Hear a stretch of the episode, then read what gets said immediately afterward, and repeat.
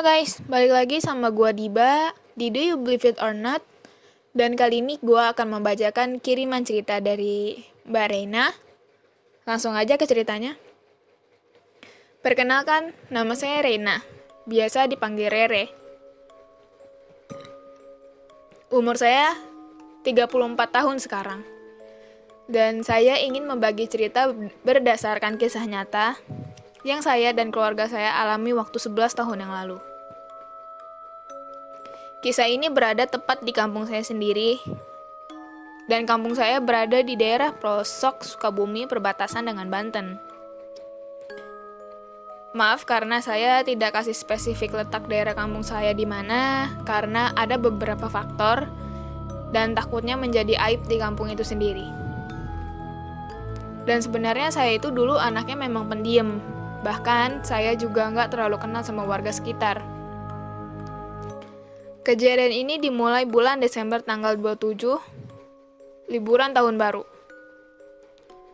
Hari itu, bapak dan ibu saya pergi ke rumah nenek saya yang berada di Pelabuhan Ratu. Karena orang tua saya meminta saya untuk tidak ikut dan meminta agar saya menjaga rumah, karena takut ada kemalingan mau nggak mau ya saya nurut waktu itu kebetulan juga waktu itu juga lagi libur panjang akhir tahun saudara saya pun datang hari itu karena kebetulan juga rumah saudara saya ada di belakang rumah saya dia pun bertanya Rek, Simba nggak ada ya? Saya pun jawab, iya lagi pergi nggak di rumah. Mungkin karena saudara saya tahu ibu dan bapak saya lagi nggak di rumah, dia pun berinisiatif untuk nemenin saya waktu itu. Saudara saya ini namanya Tarya. Saya sama Tarya tidur di ruang TV berdua. Jam 3 pagi, saya kebangun karena saya kaget. Karena tiba-tiba saudara saya itu tiba-tiba nangis kejar sambil bilang, maafin aku bu, dan karena saya pikir ngigonya udah parah ya saya bangunin lah ya saudara saya. Tar bangun tar, tar bangun, kamu ngigo, istighfar tar. Karena dia ngigo sampai nangis kejar gitu ya saya tanya, kamu mimpi apa aku sampai nangis? Tapi pas saya tanya, dia cuma diem aja. Gak lama abis kejar ngigo itu lagi, dia tidur. Pagi harinya, Tarya bilang ke saya, Rek, aku mau ke sawah ambil kayu, kamu mau ikut nggak, Rek? Karena waktu itu saya lagi nggak mau ke mana-mana, ya saya jawab, enggak, Tar, aku nggak ikut. Dan sekali lagi Tarya ngajakin, yakin kamu nggak mau ikut, Re? Dan saya jawab, iya enggak, Tar, kamu aja. Soalnya aku juga mau bersih-bersih rumah. Di saat saudara saya lagi siap-siap mau pergi ke sawah, dan saya sedang nyapu halaman, saya tanya ke Tarya,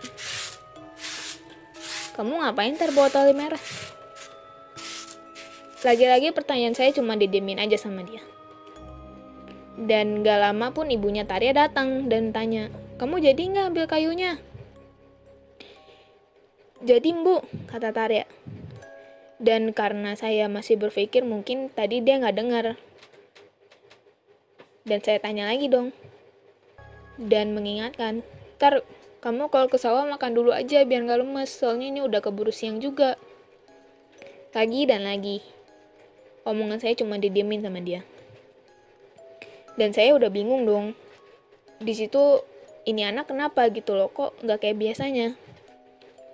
Sorenya jam setengah lima, Ketika saya selesai masak, tiba-tiba saya kaget ngeliat Tarya yang udah duduk di depan TV. Tapi memang hari itu dia gak seperti biasanya. Yang saya lihat waktu itu, dia hanya duduk di depan TV, tatapannya kosong, dan pucat mukanya. Ya karena saya nggak mau terjadi apa-apa, saya langsung samperin dia, Tar, kamu ngapain di sini? Kok tumben banget datang gak bilang-bilang? Lagi dan lagi omongan saya cuman dihiraukan sama dia. Dan karena muka dia pucat banget, saya tanya, kamu udah makan tar? Dari pagi tadi pas dia berangkat ke sawah sampai sore itu dia cuman diam aja saya tanya. Dan dia cuma nunduk aja. Beberapa menit kemudian dia mulai ngomong. Tapi menurut saya sih aneh ya, karena tiba-tiba dia bilang, Rek, kamu jangan bilang-bilang embu ya kalau aku di sini. Aku masih mau di sini soalnya. Dan dia bilang ke saya itu kayak memohon. Saya bingung. Saya tanya, emang kenapa Tar? Nanti embu nyariin kamu loh. Lagi-lagi dia cuma diem aja saya tanya begitu. Setelah itu karena saya pikir mungkin kalau beli cemilan bakal enak lagi kondisinya, ya jadi saya memutuskan untuk pergi ke warung. Tapi ternyata gak lama saya beli cemilan ke warung, ada tetangga yang nyamperin saya dan bertanya, Rek, kamu lihat Arya nggak? Kata embu dia nggak pulang tadi nyariin dan saya sebenarnya nggak enak hati karena, karena takutnya saya dikira nyembunyiin Tarya dan setelah saya sampai rumah saya Embu Tarya datang ke rumah dan nanya ke saya Rek, kamu nggak lihat Tarya? Dan karena saya pikir embunya udah datang ke rumah, jadi saya masuklah ke rumah saya dan berniat ngasih tahu ke Tarya bahwa embunya nyariin. Tapi tiba-tiba aja Tarya udah nggak ada di rumah saya.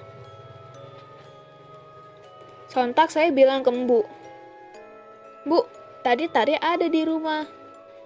Dan bilang jangan kasih tahu ke Mbu kalau dia di sini dan nggak mau pulang.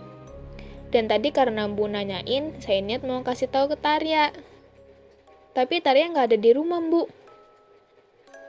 Dan Mbu nanya Tarya ke saya, Tarya kenapa nggak mau pulang, Rek? Saya jawab, saya juga nggak tahu, Bu. Kemarin juga pas dia temenin saya di sini, Tarya ngigo sambil nangis kenceng dan bilang minta maaf ke Mbu. Dan setelah kehilangan Tarya hari itu, keadaan makin kacau karena tiga hari Tarya sudah menghilang. Saya pun berinisiatif untuk menelpon orang tua saya untuk segera pulang. Kebesokan harinya, hari keempat, Embu meminta tolong warga di kampung untuk membantu mencari Tarya. Kami semua kak warga sekampung mencari Tarya di hutan, di sawah, hingga tempat Tarya terakhir datangi. Tapi hasilnya pun nihil. Tarya tetap tidak ditemukan oleh warga. Di hari kelima, Embu pun mulai pasrah dan kehilang dengan kehilangannya Tarya. Dan mengikhlaskan dan berdoa kepada Allah agar kalau memang selamat tolong ketemukan kembali dan kalau memang tidak selamat tolong diketemukan jasadnya Tarya. Hari itu pun warga di kampung kembali mencari Tarya lebih terpelosok lagi ke dalam hutan yang lebih dalam. Setelah dicari sampai sore, Tarya pun akhirnya ketemu di dalam hutan tersebut. Namun kabar duka datang. Tarya ditemukan tidak selamat. Jasad Tarya ditemukan tergantung di pohon pete dengan tali warna merah yang sebelumnya dia bawa sebelum pergi ke sawah. Dan badan Tarya sudah bau busuk dengan belatung dan sudah membengkak dengan tubuh yang sudah berwarna biru. Jasad Tarya pun diturunkan dari pohon pete dan dimasukkan ke dalam terpal dan hanya disemprot wangi-wangian. Dan naasnya, jasad Tarya pun tidak dikubur dengan wajar. Tarya langsung dikuburkan, tidak dengan dimandikan, dikafani, dan disolatkan. Jasadnya langsung dikubur bersama terpal tersebut. Cerita ini langsung saya ceritakan karena ini kisah nyata dan langsung keluarga saya alami. Dan kebetulan cerita ini dari saudara saya langsung. Dan kami semua hanya berharap agar almarhum diterima di sisi Allah Subhanahu wa taala. Terima kasih yang sudah mendengarkan cerita dari saya.